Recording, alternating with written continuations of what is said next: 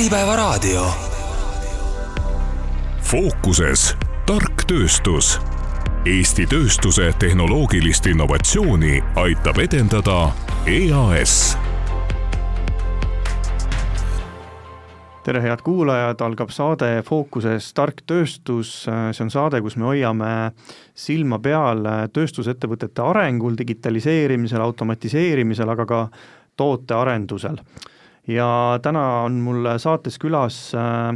siis pakiroboteid ja terminale arendava Eesti tehnoloogiaettevõtte Cleveron AS-i äh, kaks spetsialisti, äh, kaks eksperti, operatsioonide juht Ott Pabut, tere tulemast, Ott! tere! ja intellektuaalse omandi ja patendispetsialist Siim Timson, tere tulemast, Siim! jaa, tere, tere, tere kõigile! Ja mina olen siis saatejuht äh, Harro Puusild. Äh, no põhjust, äh, miks Cleveron täna siin on, on väga palju, et nimelt me salvestame seda saadet kuuendal septembril ja viiendal septembril tuli välja siis uudis, et Cleveroni pakirobot on saavutanud üle-euroopalisel konkursil Design Euroopa väga kõrge tulemuse. no teeme, räägime natukene tausta, mida see ette, ettevõtte jaoks tähendab nelja parima hulgas kes alustab meil?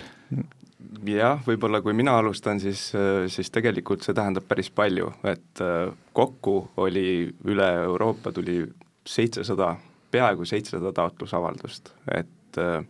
päris palju ja, ja, ja Cleveron valiti top nelja sisse siis äh, disaini hulgas nii-öelda, et, et, et, et see on kõva tunnustus nii nii disainile endale kui ka kindlasti meie disainerile Laurile, et äh, et kõva tulemus, et võib-olla Ott räägib lähemalt, et, et mida see võib-olla äh, veel, veel tähendab? no me oleme algusest peale Cleveroni positsioneerinud selliselt, et selline kasutajakogemus on midagi, äh, mille pealt me ei taha väga kompromisse teha ja ma arvan, et see just sinna nelja hulka saamine näitab, et see joon on olnud õige ja et meie aluspõhimõtted siis äh, said ka sellist rahvusvahelist tunnustust, et et just see, et kui kasutaja läheb äh, meie automaadi juurde, siis äh, see on ilus, puhas, selline Skandinaavia joonega ja, ja lihtsalt kasutatav, et kõik need aspektid olid ka nagu osa sellest, mida seal hinnati, et mitte ainult, et millised on värvid ja, ja ja kas see on nagu kena või mitte, aga just see, kuidas kasutaja suhestub selle meie masinaga no kui natukene püüda seda äh, toodet äh, siis äh, lahata või, või, või selgitada, no mis seal siis eripärast veel on, et ma saan aru, et ta on väga pilkupüüdva disainiga, kas ta on kuidagi ka,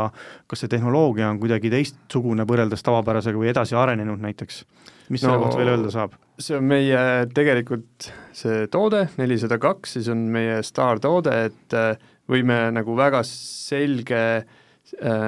selgelt öelda, et see on maailma kiirem pakiautomaat siis erinevalt äh, nii-öelda tavakappidest äh, on see robootiline automaat, kus äh, väga suur rõhk on sellel kulleri sisestusaja äh, nii-öelda minimiseerimisel, ehk siis seal on äh, ütleme, suured robootilised kiirused ja, ja see on meile teadaolevalt ainuke masin maailmas, mis on äh, selline, kus kuller ei pea ootama masina järgi ja ringi jooksma, vaid saab seista ühe koha peal, pakke sisestada ja noh, kuller on ka kasutaja ja, ja just tema kasutajakogemust peame ka silmas. ja ta on, mahutab meeletul hulgal pakke, ta on äh, modulaarne, ehk seda saab erinevates kõrgustes ja pikk, pikkustes vastavalt siis oma pakimahtudele ja ärikaasusele endale paigutada poodi või, või mingisse muusse asukohta.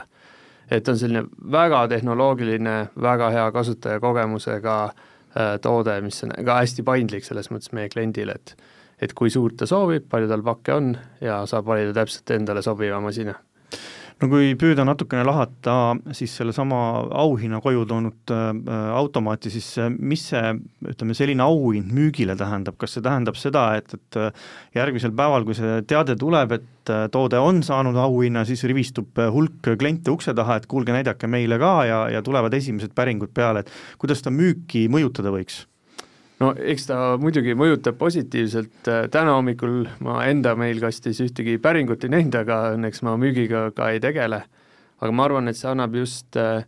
meie klientidele, kes on ka peamiselt nii-öelda retail ja, ja moekaupade müüjad just selle automaadi sihtkliendid, et sellist enesekindlust, et kui nad võtavad meie masina kasutusele, siis kasutajate nii-öelda hinnang äh, äh, nende poele äh,, mitte et äh, langeb, mis vahel sellise automatiseerimisega võib juhtuda, sest noh, inimkontakt jääb äh, vähemaks, vaid pigem tõuseb ja, ja et nad saavad oma kasutajate poolt siis kõrgemaid hindeid selle kogemusele, mis selles sektoris ongi peamine asi, mida otsitakse, et kui võib-olla mõnes muus sektoris on seal mingid muud näitajad, kulude kokkuhoid või, või mingi, mingi muu aspekt, siis meie põhikliendil just see, et kuidas kasutaja ennast tema poes tunneb kuidas ta neid pakke kätte saab, kui kiirelt, kui lihtsalt, see ongi põhiline näitaja ja see võiks anda meie klientidele ka rohkem enesekindlust, et see, et see toode teeb kogu selle teekonna paremaks. Ja noh, muidugi äh, majanduslikult see võiks realiseeruda siis paremates müüginumbrites kas, äh, aga tegelikult sellesama tootega vist asjad ei ole ajaloos üldse läinud nii, äh, nii hästi, kui äh, oleks oodanud, ma pean silmas just seda Hiina lugu, et, et et see patendi küsimus ikkagi on probleem olnud ja ma tean, et see Hiina lugu oli teil väga pikk, et kaks tuhat seitseteist sai see vist alguse ja et kui me, ja see vist mudel oli veel, kandis nime Cleveron nelisada üks ja, ja see nüüd on siis nelisada kaks, mis seda peaks parandama kohe, et see kindlasti ei ole sama toode, et äh, Cleveron nelisada kaks on nüüd täiesti erinev äh, nii funktsionaalsuselt, tööpõhimõtetelt kui ka enda innovatsiooni poolest, et seal midagi sellist üks-ühele sarnast ei ole, et ikkagi me räägime täiesti eelnevast generatsioonist ja Backrobot tootest nelisada üks oli siis äh, nimega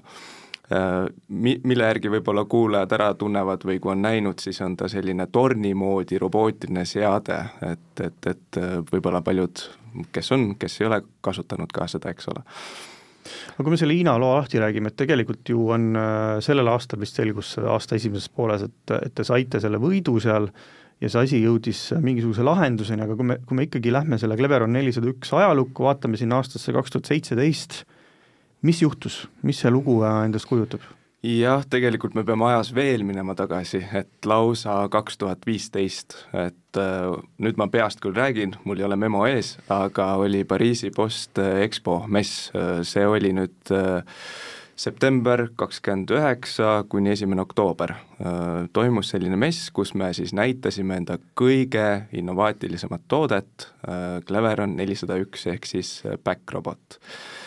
see toode oli mitmes mõttes täiesti uuenduslik, et äh, ta oli selline, ma ütleks, et sel ajal olid hästi levinud äh, lokker-tüüpi või sellised tavapakikapid nagu Smartpostil, kõik, kõik sellised sarnased tooted, ja see oli esimene nii-öelda robootiline toode, mis tervet segmenti tegelikult ka hakkas nii-öelda muutma. Ja, ja selle vastu oli huvi äärmiselt suur ja messil oli, oli see ka üks selline väga põnev, põnev toode Cleveron oli tegelikult teinud enda poolt kõik endast oleneva, ehk siis eelnevalt oli esitatud nii-öelda patenditaotlused, äh, disainilahendused äh, kaitseks, äh, kindlasti autoriõigused ja nii edasi. aga, aga messil siis see toode avaldati ja, ja üks huvilistest oli ka Hiina firma, kes tundis äärmiselt suurt huvi ja, ja, ja tahtis muudkui infot juurde ja juurde ja, ja tal olid väga palju küsimusi. Ja peale messi pöördus ka Cleveroni poole võimaliku koostöö või siis sellise nii-öelda ostuhuvi ja, ja muude selliste päringute ja küsimustega kahjuks mina ega Ott Cleveronis ei töötanud, et ma ei saa kommenteerida ja ilmselt võib-olla ka ei tohiks, et mis olid need ärilised kokkulepped või, või, või pakkumised, aga sealt tegelikult mingisugust diili ei tulnud ega koostööd hilisemat. Äh, läks, läks mõnda aega mööda sellest messist ja, ja tegelikult vaikselt juba ma nüüd peast ei oska öelda, aga kuskil suurusjärk aasta hiljem, tulid juba esimesed signaalid, et, et äkki midagi Hiina firma nimega Hangzhou Dongsheng Electronic, ma, ma arvan, et saates, et mitte keelt väänata, võiksime nimetada lihtsalt teda HD-ks, et on lihtsam. et HD midagi arendab, mis on võrdlemisi sarnane Cleveroni tootele, aga me ei pidanud tegelikult seda nagu väga selliseks kriitiliseks või ohumärgiks, sest me teadsime, et meil on ju tegelikult enda poolt intellektuaalomandi õiguskaitse taotlused esitatud ja me võiksime olla nagu turvalises seisus. kõik muutus hästi järsku ja see oli aasta kaks tuhat seitseteist. ja miks muutus, et tegelikult kui me vaatame seda kopeerimist või Hiinat, ega siis nagu kõik teavad, et see kopeerimine on võrdlemisi tavapärane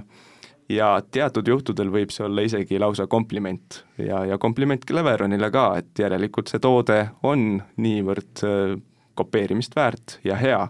aga kaks tuhat seitseteist me avastasime, et äh, et mitte lihtsalt ideed ei ole kopeeritud või, või, või ei looda mingit sarnast toodet, äh, vaid tegelikult on üritatud siis ka kaitsta juba leiutatud leiutist, mis on täiesti äh, uus külg nii-öelda sellisel kopeerimisstandardil, et, et, et kui vanasti kopeeriti tooteid või teenuseid või ideesid, siis nüüd kopeeritakse tooteid, teenuseid, ideid ja väidetakse, et see on nende enda leiutis. ja see muutus nagu meile nagu väga-väga-väga keeruliseks just äh, mitmest aspektist, et äh, punkt üks on juba see, et kes on algne autor, kui investorid või kliendid küsivad, et äh, punkt kaks on kindlasti see, et et kas meie enda nii-öelda leiutatud toodet võidakse meie enda vastu kasutada, näiteks Hiinasse sisenemisel või komponentide tellimisel, mida me tõesti hetkel ei ole teinud, aga hüpoteetiline võimalus on olemas. et, et sealt selguski tegelikult see, et miks on see kriitiline, kaks tuhat seitseteist aasta et oli nagu reaalne oht, et ikkagi, et, et see toode keeratakse teie enda vastu, et, et lõpuks äh, oleksite teie need, kes oleks justkui midagi kopeerima hakanud. et, et see on see asja mõte, on jah, see, mhm. see isegi lausa realiseerus sellisel kujul, eks ole, et me leidsime, et äh, Hiina ettevõte on esitanud siis äh, patenditaotluse väga sarnasele või äravahetamise sarnasele lahendusele ja, ja tegelikult seda võidakse kasutada meie vastu, nii turunduslikult kui ka äh, reaal nii-öelda kaubanduses, et et sealt sai kõik see alguse ja siis oli küsimus, et mida me teeme või kas me teeme või kas me üldse peaksime tegema ja kui palju seda know-how'd, ütleme, et Eestis või Euroopas on üldse. kas, kuidas see otsustamine käis, nii palju kui sealt ajaloost teada või mäletada on, et, et kuidas need arutelud välja nägid, et, et kas tõesti nüüd peaks hakkama Hiina vastu minema või on sellel kohtuteel üldse mingit lootust, et noh, Hiina, see tundub selline, et noh, nagu sa võid ju sinna minna, aga midagi nagunii ei juhtu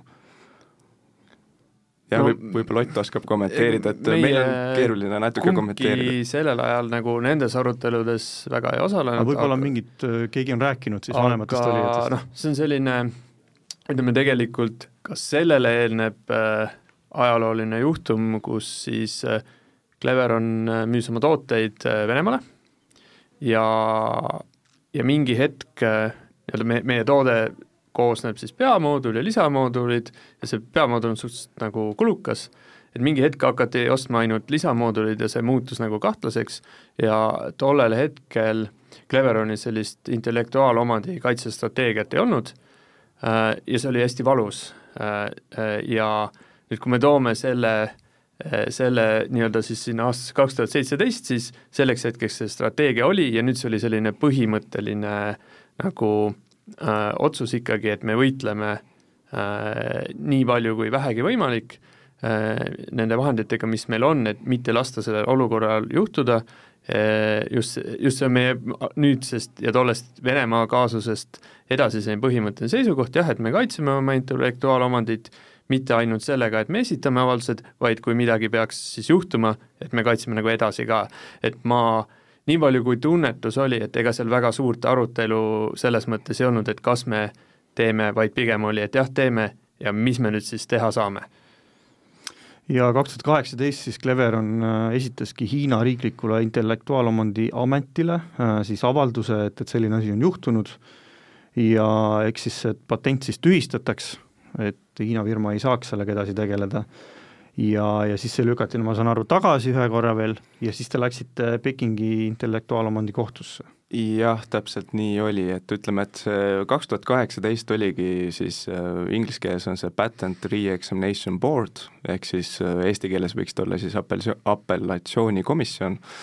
ja me esitasime taotluse selle, selle nii-öelda intellektuaalomandi tühistamiseks, kuna me leidsime, et, et seal tegelikult äh, ei ole uudsust. kui me oleme midagi juba leiutanud, eks ole, siis kuidas saab selle uuesti leiutada, see oli nagu selline põhimõtteline küsimus ja tegelikult see on ka mõneti nii-öelda intellektuaalomandi aluspõhimõtte küsimus et äh, kui me teame, et äh, me midagi, millegi kaitsmiseks peab olema see uus, eks ole, seal peab olema nii-öelda leiutustase ja nii edasi.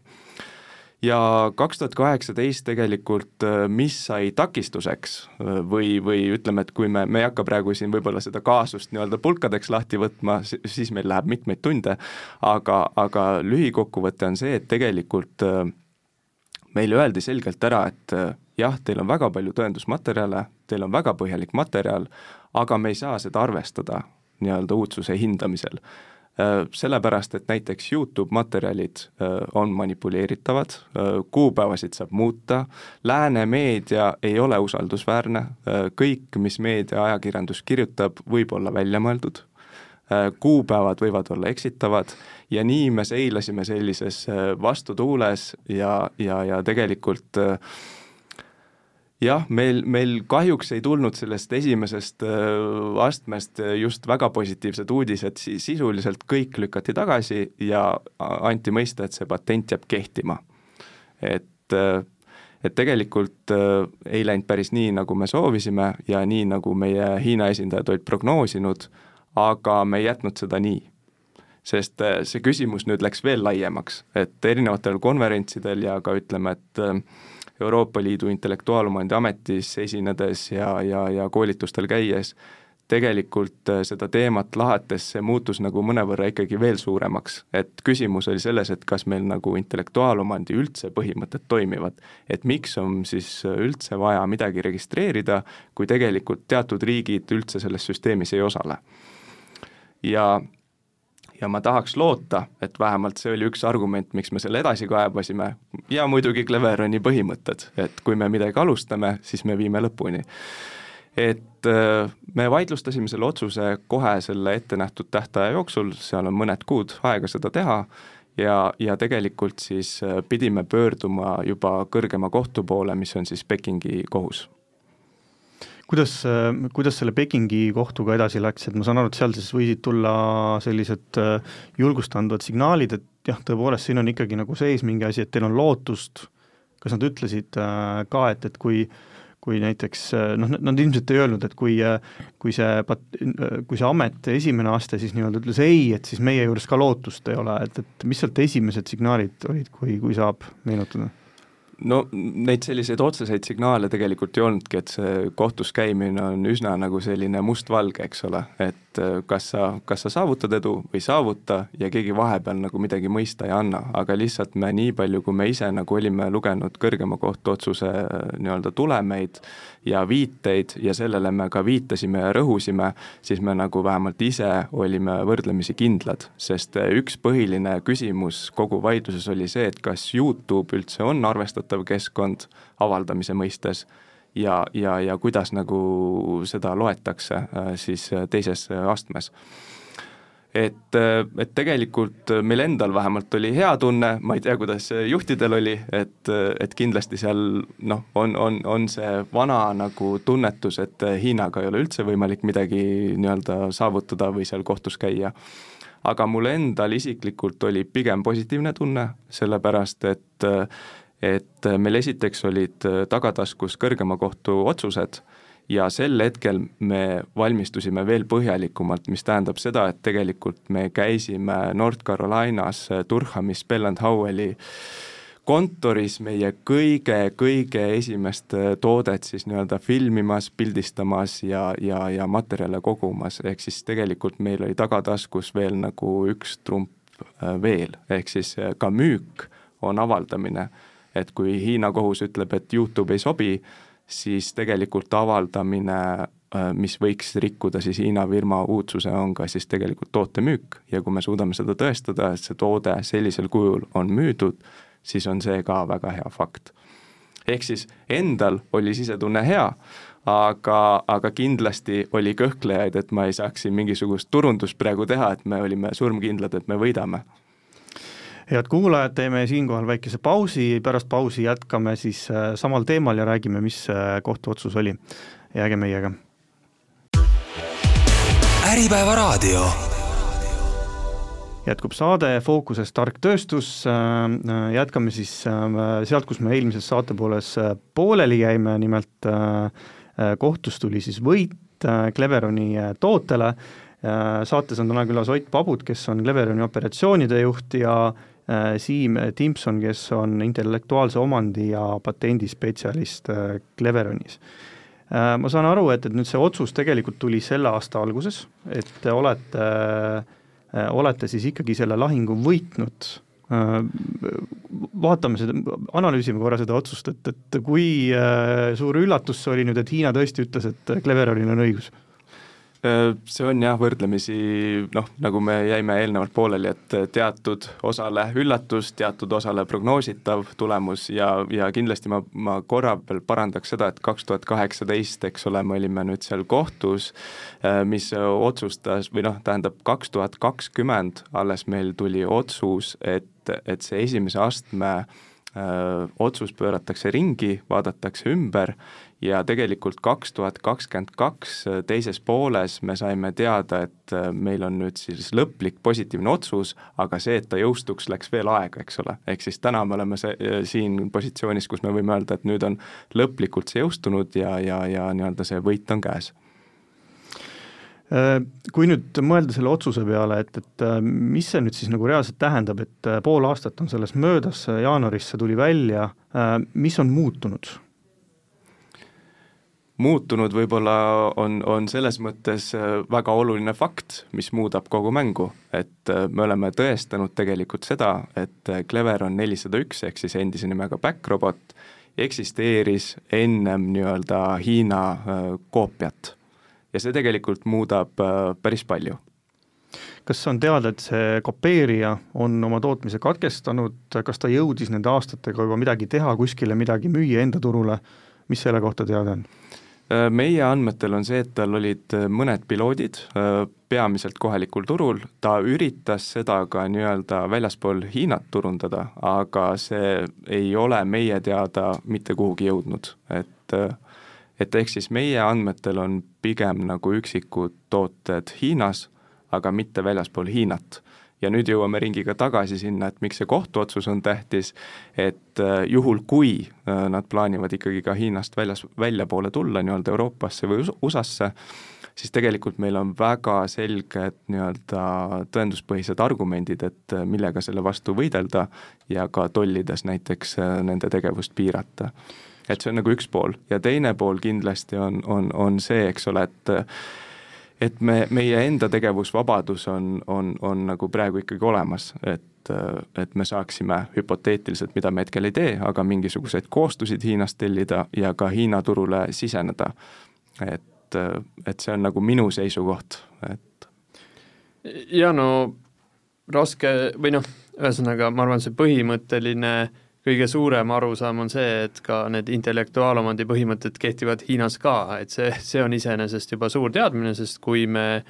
teeme intellektuaalomandi äh, taotlusi, siis me valime teatud piirkonnad ja riigid, kus me ennast kaitseme, et noh, seal oleks tekkinud nagu küsimus, et kas on siis üldse mõtet Hiinas kaitsta, mis oleks automaatselt tähendanud seda, et tegelikult me ütleme Hiina turule ükskõik mis perspektiivis ei, sellepärast et kui me sinna siseneme, siis see kopeerimine seal toimub, see on nagu lihtne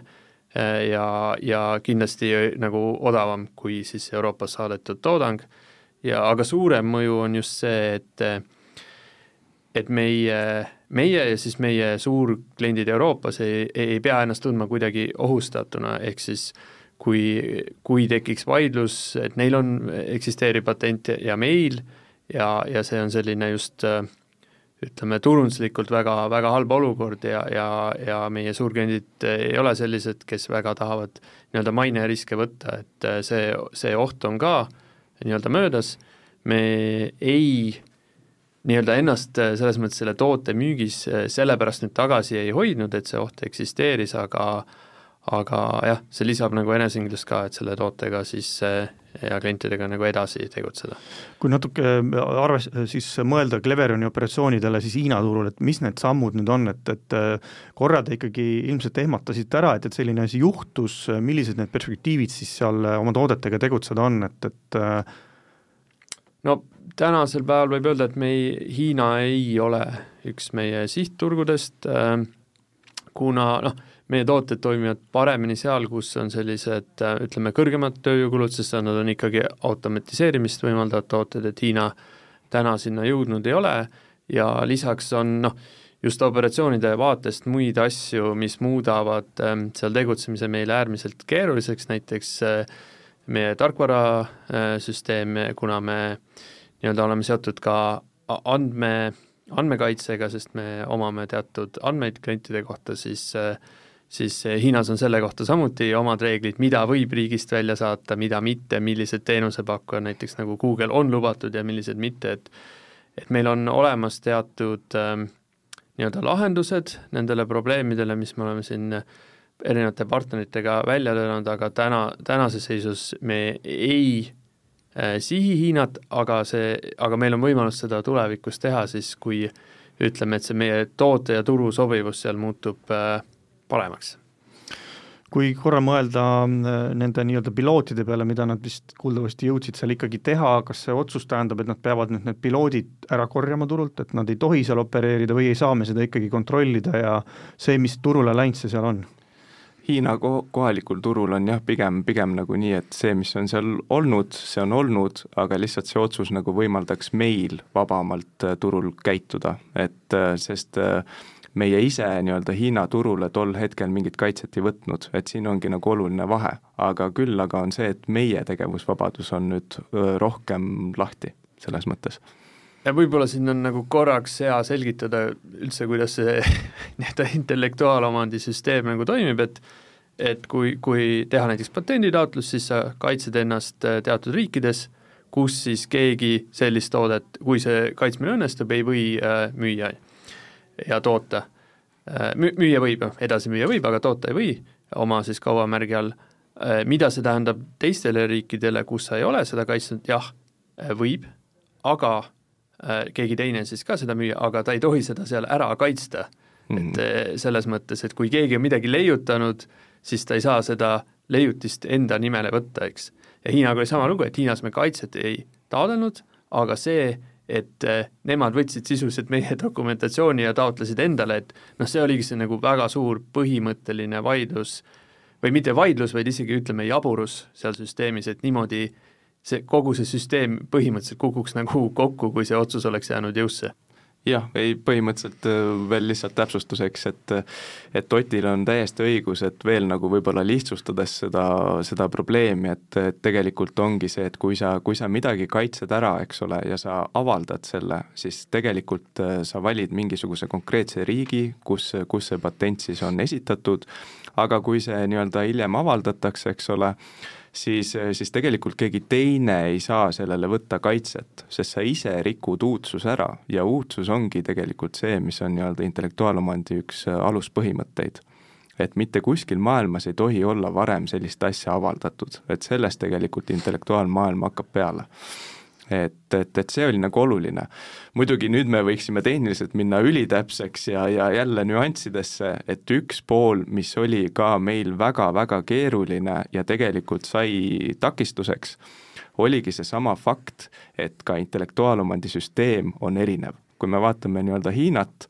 siis Hiinas nimetatakse, alustades sellest, et äh, seal on kõik äh, intellektuaalomandi liigid patendid, mis on hästi nagu eriskummaline, et on kaubamärgi patent, on kasuliku mudeli patent, on leiutise patent ja see on teinekord väga eksitav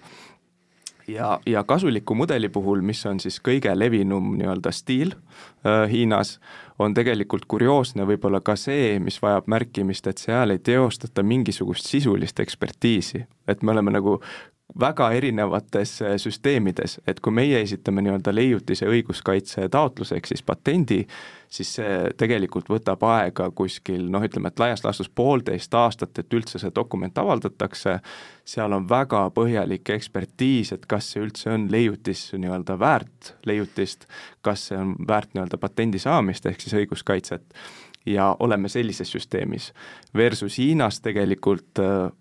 pannakse lihtsalt mudel kirja, meil on selline uus lahendus väga,, väga-väga nii-öelda innovaatiline, aga kogu vastutuse võtab see firma ise, et see tõesti on ka innovaatiline ja uus, eks ole. ja, ja registreerib selle ära ja saab sellele õiguskaitse, mis tegelikult reaalselt ka töötab. teoreetiliselt jah, ta peaks suutma hiljem siis tõestada, et see ka oli uus ja omas leiutustaset aga, aga need on nagu hästi erinevad süsteemid ja Hiina puhul siis tegelikult see õiguskaitse rakendub kuus kuni kaheksa kuud peale esitamist. Ehk siis meil tekkiski nagu selles mõttes jabur olukord, et meie süsteemis meie õiguskaitse nii-öelda ei olnud veel kehtinu, kehtimas, ei olnud veel täielikult avaldatud ja samas juba Hiinas oli hiljem esitatud taotlusavaldused juba kehtivad, et, et see on nagu selline päris põnev, põnev olukord noh, need on väga selged sellised key learnings'id või, või eh, take away'd, mida sellest loost võtta, kas on veel mingisuguseid olulisi nüansse, mis, mida te õppisite, mida tahate välja tuua, mingid sellised eh, olulised punktid, mis mm -hmm. need sellised key take away'd veel võivad olla? No ma arvan, et mulle meeldis, mis, mis Ott juba varem ütles, et äh, alustaks sellest, et, et äh, Hiina turg on keeruline, eks ole, seal on väga palju levinud sellist kopeerimist, aga oluline on see, et tegelikult see intellektuaalomandi süsteem ikkagi päeva lõpuks toimib. ja, ja, ja tasub tõesti kaaluda nii-öelda intellektuaalomandi registreerimisel nii-öelda Hiinas, sest meie nii-öelda take away ongi siit, et see on oluliselt soodsam, kui pärast tegeleda tagajärgedega. Ja tõesti, see võib ka töötada, et et kui me räägime näiteks ehetekunstnikest, disaineritest või, või, või ka mingitest juba keerukamatest toodetest, leiutistest, siis tegelikult see intellektuaalomandi registreerimine Hiinas ei ole üle mõistuse kulukas või kallis, võrreldes sellega, et mis probleemid, peavalu ja kohtukaasused võivad tulla, kui seda ei tee no öeldakse, et äh, muutusid, äh, muutused tekivad ikka siis, kui kuskil on äh, nii-öelda nagu veri tänavatel olnud, et kui tuua paralleel liiklus, liiklusolukorraga, et, et mis on, ütleme, kuidas see lugu Cleveroni selliseid patendiprotsesse muut-, muutis ettevõttes või kuidas te oma süsteemi muutsite, te ilmselt muutusite ettevaatlikumaks ja nii edasi. mis muutusi see ettevõttes ellu kutsus? Tehnilises mõttes äh, me kohandusime nii-öelda selle Hiina süsteemiga, et nagu öeldakse, et kui sa ei suuda süsteemi vastu võidelda, siis sa pead selle süsteemiga leppima. ehk siis me tegelikult mõneti äh, leppisime selle Hiina eripäraga ja tegelikult täna esitame ise ka Hiinas taotlusi. Äh, punkt üks on see, et vältida kopeerijaid ja punkt kaks on seesama, see ülikiire avaldamis- ja jõustamiskiirus, et me saame nii-öelda sellise esmase õiguskaitse oluliselt kiiremini ja tegelikult toote või siis äh, kontseptsiooni nii-öelda uue avaldatud, et, et, et see on nagu hästi, hästi hea lähenemine. jah, no mida me, mida me muutsime, kui need sündmused nagu aset leidis, siis oli äh, Siim rääkis sellest, kuidas messil tegelikult see ilmselt suur osa sellest infost nagu võeti, et äh, et äh, see ei puuduta nüüd intellektuaalomandi äh, kaitset, aga mingi periood oli siis selline, kus Clever on teadlikult just nendel põhjustel äh, kõige uuemate toodetega siis messidel ei osalenud või siis osales selliselt, et e, nii-öelda need kõige tähtsamad osad sellest tootest olid varjatud. et see oli selline nii-öelda kor-, korralduslik pool ja ja me oleme loonud siis nii-öelda selles toodete arendusprotsessis sellised äh, sellise, ütleme, nii-öelda selle juhtimise äh, süsteemi, kus on teatud elemendid, mis siis iga toote puhul tuleb läbida ja siis intellektuaalomand on seal äh, punkt kaks, et esimene on nagu toote idee ja, ja siis ongi intellektuaalomand, kus siis on äh, nii-öelda väga selgelt välja ka nii-öelda kaardistatud, et meil on siis kolm kaitsevõimalust laias laastus, on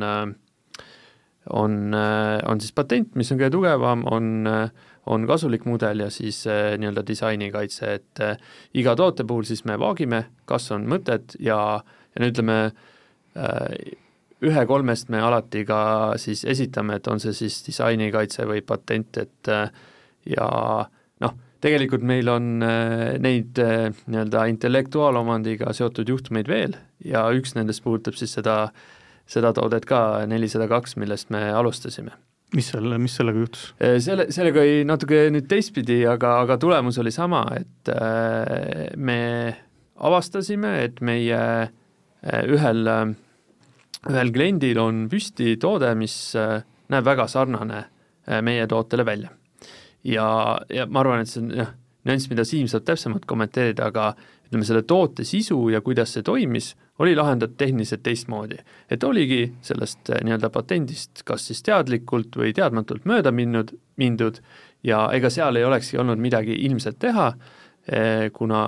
kuna see ei rikkunud nagu patenti otseselt, aga kuna sellel tootel oli ka disainikaitse, ja see toote, toode väljast nägi täpselt samasugune välja, siis selle abil äh, meil õnnestus nii-öelda see äh, alternatiivne tootja siis äh, sundida oma toote välist kuju muutma, et me ei saa neilt seda toodet nagu keelata üldse toota, aga, aga just see väline kuju peab olema siis selline, et me oleme seda Siimuga palju arutanud, et kui tavainimene vaatab peale, siis ta ütleb, et see ei ole sama toode. Ja, ja kuna õnneks või kahjuks meie klient, sellele konkreetsele kliendile on hästi oluline, et see toode näeks samasugune välja, isegi kui ta kasutab alternatiivset tarnijat, siis tegelikult see äh, nii-öelda äriloogiliselt tähendab, et nad ei saa sellelt äh, meie konkurendilt siis seda toodet enam osta, kuna ta ei näe samasugune välja. kas, mis äh, riigis see juhtus, see lugu? see on tegelikult nüüd Portugal, ma eeldan, ja Porto ja. kaasus täpsemalt, et, et tegelikult jah, Ott tegi juba päris hea intro sellesse kaasusesse, et et siin on konkreetselt küsimus jah, nüüd siis disainis, eks ole, ehk siis väliskujunduses, mitte mehhanismides, mis on sees. ja, ja tõesti, see toode oli, just see konsooli osa oli siis äravahetamine sarnane, see tähendab seda, et keskmine tarbija ei suuda neid tooteid eristada ja, ja tegelikult kuna, kuna meil oli see õiguskaitse olemas, siis antud juhul me ei pidanudki kohtusse minema ja meile piisas nii-öelda lihtsalt äh, sellise äh, alguses pehmema teavituskirja ja siis juba nõudekirja saatmisest, et äh, et tegelikult me saime lahendatud ja kuidas see lahenes lõppkokkuvõttes, on nii, et siis konkureeriv tootja korjas kõik enda konsoolid maha, muutis täielikult konsooli disaini ja nad ei ole enam üldse sarnased mis see ühikute arv oli, mis turul oli väljas? Äh, see on veidikene konfidentsiaalne info, aga, aga me võime üt-, öelda umbkaudselt, et paarikümne juures on see.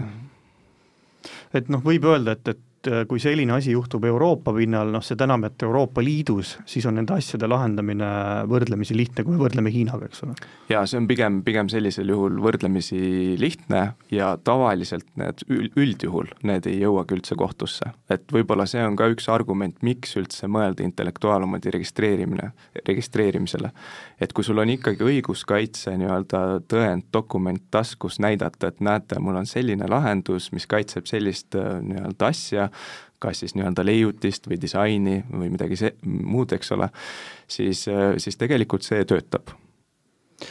siis jah, üldjuhul piisab isegi täitsa nagu tähelepanu juhtimisest äh, üks või kaks korda ja, ja ongi olukord nagu lahendatud kui korra selle messi kaasuse peale mõelda, et võib-olla peaks seal teatud strateegilisi osi varjama, äh, siin Cleveroni näitel võib-olla mõned ka teised ettevõtted, et Äh, kui me mõtleme külastajate peale ja Hiina äh, siis võimalike klientide või koostööpartnerite peale, kas äh, kuidas sealt võtta, kas, kas võib olla mingisugune muster nende jutus, mida tasub ära tunda, et kui nad hakkavad liiga detailselt uurima, et, et kas on mingid ohusignaalid, mida näiteks Clever on nüüd tähele paneb, et kui mõni klient või partner tuleb ja hakkab midagi küsima ja kas see eristub kuidagi nendest tavapärastest huvilistest, kes päriselt tahavad koostööd teha? on seal, on see üldse mingi teema praegu või ei ole mitte? no tegelikult äh, on ikka teema, et äh, ütleme, kui, kui mõelda, siis äh, nii-öelda loogiliselt, et äh, kui äh, kui see, kui ta käitub nagu potentsiaalne klient, on ju, siis ta peaks huvituma sellest, mis, mida see toode üldiselt teeb ja mis kasu siis tema sellest saab kui see jutt läheb selle peale, kuidas see toode on tehtud, milliseid, äh, ma ei tea, äh, seal ütleme, tarkvarasüsteeme kasutatakse, kuidas on toodetud, mis on sisemuses olevad materjalid, kui palutakse seda toodet nagu avada ja teha pilti seest ja midagi sellist, et ma arvan, et need on nagu kindlasti ohumärgid, mida tuleks silmas pidada, sest et noh, see võib olla nii-öelda tavaline, mis messidel ka toimub, selline tööstusspionaaž, mitte isegi väga halvas mõttes, aga sellises ütleme, ka ins-, insenerid käivad, on ju, meie insenerid käivad ka, vahetavad nagu mõtteid, aga, aga see nagu teatud piirist ülemineku ikkagi minnakse nagu väga detailseks äh, selle toote nii-öelda ehituse kohta, siis see, seda võib küll nagu võtta äh, väga suure ohumärgina ja äh, ja jah, et klient, nagu potentsiaalsed kliendid peaksid ikkagi olema huvitatud sellest, mida see toode teeb ja neile pakub, mitte sellest, et äh, mis materjale on kasutatud, kuidas mingeid elemente töödeldakse, kas nad on äh, valatud või, või, või freesitud, et kõik see on nagu äärmiselt äh, äärmiselt kahtlane ja tegelikult noh, meil on ka niisugune ütleme, see noh, see on nagu anekdoot, et insenerid alati väga uhked selle üle, kuidas nad midagi teevad, aga ei ole kõige parem mõte seda kõigile nagu rääkida, kes on väljaspool maja. Ehk siis ma saan aru, et, et kui klient, me saame suure üldistuse teha, kui klient tunneb huvi funktsionaalsuse vastu, siis on see asi tervislik. kui ta palub teha tootest röntgenpildi, siis on kahtlane. Eh, siis on nagu äärmiselt kahtlane, et, eh, et enne seda jah, siis äh, Äh, võib-olla mingil hetkel see osutub vajalikuks, ehk äh, suured kliendid võivad teha ka sellist tehnilist auditit, aga selleks hetkeks on sõlmitud lepingud, on ju, mis siis toetavad äh, nii-öelda konfidentsiaalse info mitteavaldamist. aga kas võib öelda, et katseid on siis igal messil, et kas te näete neid, et see on nagu selline muster, et üks-kaks sellist inimest ikka satub, kes hakkab röntgenpilti tegema, või on see pigem erand, et, et kõigil üritustel ei ole nii? No tehnoloogiamessidel ma arvan, et see pi-, pigem on ikkagi reegel, et äh, mõned inimesed on sellised, on see siis heas mõttes selline tööstusspionaaž, et lihtsalt enda teadmisi laiendada, aga, aga ma usun, et on ka sellist äh, nagu väga korralikku tööstusspionaaži, kus minnaksegi mingit lahendust nii-öelda äh, oma siis äh, maale tagasi viima. Äh, kuidas äh, praegu, ma palun teil üldistada Eesti seisu, äh, mida te saate öelda, mis seis või mis tervise juures meil see intellektuaalomandi või, või kasulike mudelite kaitse on, et äh, mida Eesti ettevõtted, kuidas see turg teile peegeldab praegu seda olukorda? no võib-olla võtaks kokku, et ta on kindlasti parem kui varem, aga palju on veel minna, ütleme nii, et tegelikult äh, järjest rohkem teadvustatakse, et see intellektuaalomand on võib-olla tähtis teema, järjest rohkem ameteid äh, sellega tegeleb, koolitab, EAS-il näiteks on väga head programmid äh, nii-öelda erinevatele ettevõtjatele, väikestele, suurtele, et, et see tuleb järjest meile lähemale, aga siiamaani, kui me vaatame nüüd keskmist ettevõtet, siis on ikkagi selline mulje jäänud, et äh, no tegelikult see mind nagu ei puuduta, et need on need suurte firmade asi, et las nad tegelevad seal enda patentidega ja mängivad enda liivakastis, et mind see ei puuduta, mul ei ole intellektuaalomandit. aga fakt on see, et igal Eesti ettevõttel on paratamatult intellektuaalomandit, on see noh, näiteks tema enda kaubamärk või on see näiteks ütleme, dokumentatsioon, autoriõigused, eks ole, pildid, renderdused, kõik, mida nii-öelda toodetakse, on mingis mõttes intellektuaalomand. et äh, ma tahaks loota, et see läheb järjest paremaks ja, ja, ja et äh, firmad, ettevõtted, eks ole, tunnetaksid, et see ikkagi neid ka võib puudutada. et siin ma arvangi, noh, selles mõttes on hea, et et kõik, kes kuulavad, siis võiksid jah, õppida nendest vigadest, mida, mida Clever on varasemalt teinud, et see, mis puudutas Hiinas kaitsetaotlust või see algfaas, kus üldse seda strateegiat ei olnud, et kui ikkagi äh, soovitakse välisturgudel minna, ilmselt Eesti ettevõtted paratamatult peavad seda tegema, sest meie turg on liiga väike, siis äh, mi-, selline kas või baastasandil intellektuaalomandi strateegia peaks eksisteerima äh,, see strateegia võib olla ka see, et, et me ei tegele sellega, aga see peaks olema mitte, mitte ajendatud sellest, et pole meie asi, vaid siis peaksid olema ka ki-, kindlad nagu põhjused, miks me seda ei tee, et see on juba hea algus äh, äh, võrreldes sellega, et me lihtsalt äh, ütleme, et pole meie teema. väga head nõuanded äh, aeg äh, hakkab meil vaikselt otsa saama, ma tahaks veel küsida teie, ütleme, hinnangut, et äh, kuidas Cleveronil läheb, kuidas teile välisturgude selline tervis praegu paistab? ma mõtlen just majandus mõttes, et kui hinnata natukene majandust. see on küsimus Otile ilmselt, jah? Äh, no tuleb tõdeda, et, et hetkel see majanduse olukord on raske, mis on positiivne, on see, et meie tehnoloogia on ikkagi suunatud automatiseerimisele, mis võimaldab minimaalselt siis hoida kokku kulusid, aga niisuguse hea kasutuse korral ka tõsta tulusid, nii et tegelikult küll on meie mõned kliendid pidanud ka enda nii-öelda tegevusi kokku kulude mõistes tõmbama, aga nad ei ole seda teinud nii-öelda Cleveroni toodete ostmise arvelt. et jah, et majandusolukord on raske, aga vähemalt hetkel see meid ei ole su-, väga palju mõjutanud, kuna meie kliendid jah, kasutavad meie tehnoloogiat just, et sellest raskest olukorrast nii-öelda üle, üle minna või välja tulla Äh, kahjuks meie aeg on siinkohal ümber saanud, äh, ma arvan, et me võime vist tänase saate kokkuvõtteks öelda, et tegelikult äh, Hiinas on täiesti võimalik tegutseda, kui mängureeglid on endale selgeks tehtud. Et selle, see vist võiks olla üks selline kaasavõetav mõte ja, ja teine asi on ikkagi see, et kui kõrgtehnoloogilise tootega mõnel tehnoloogiamessil osaleda, siis tasub korra vaadata, mis küsimusi siis külastaja esitama hakkab jah, ja noh, võib-olla see on selline ütleme, madala taseme kaitse, aga ei tasu jätta kunagi oma toodet ka nagu valveta. Äh, sest on olnud juhtumeid, kus ka nii-öelda enne uste avamist siis osalejad, messil ise osalejad on äh, nii-öelda konkurenti tooteid käinud üles pildistamas ja niimoodi, jah. väga kasulikud, äh, kasulikud teadmised siit kaasa võtta selline sai seekordne saade, külas olid meil Ott Pabut, kes on siis Cleveroni operatsioonide juht, aitäh tulemast, Ott! jaa, oli väga suur rõõm olla siin. Ja ka teine külaline, Siim Timpson, kes on siis Cleveroni intellektuaalse omandi ja patendispetsialist, aitäh tulemast, Siim! jaa, aitäh kutsumast! Mina olen saatejuht Harro Puusild, aitäh, et kuulasite, uus saade on eetris juba oktoobris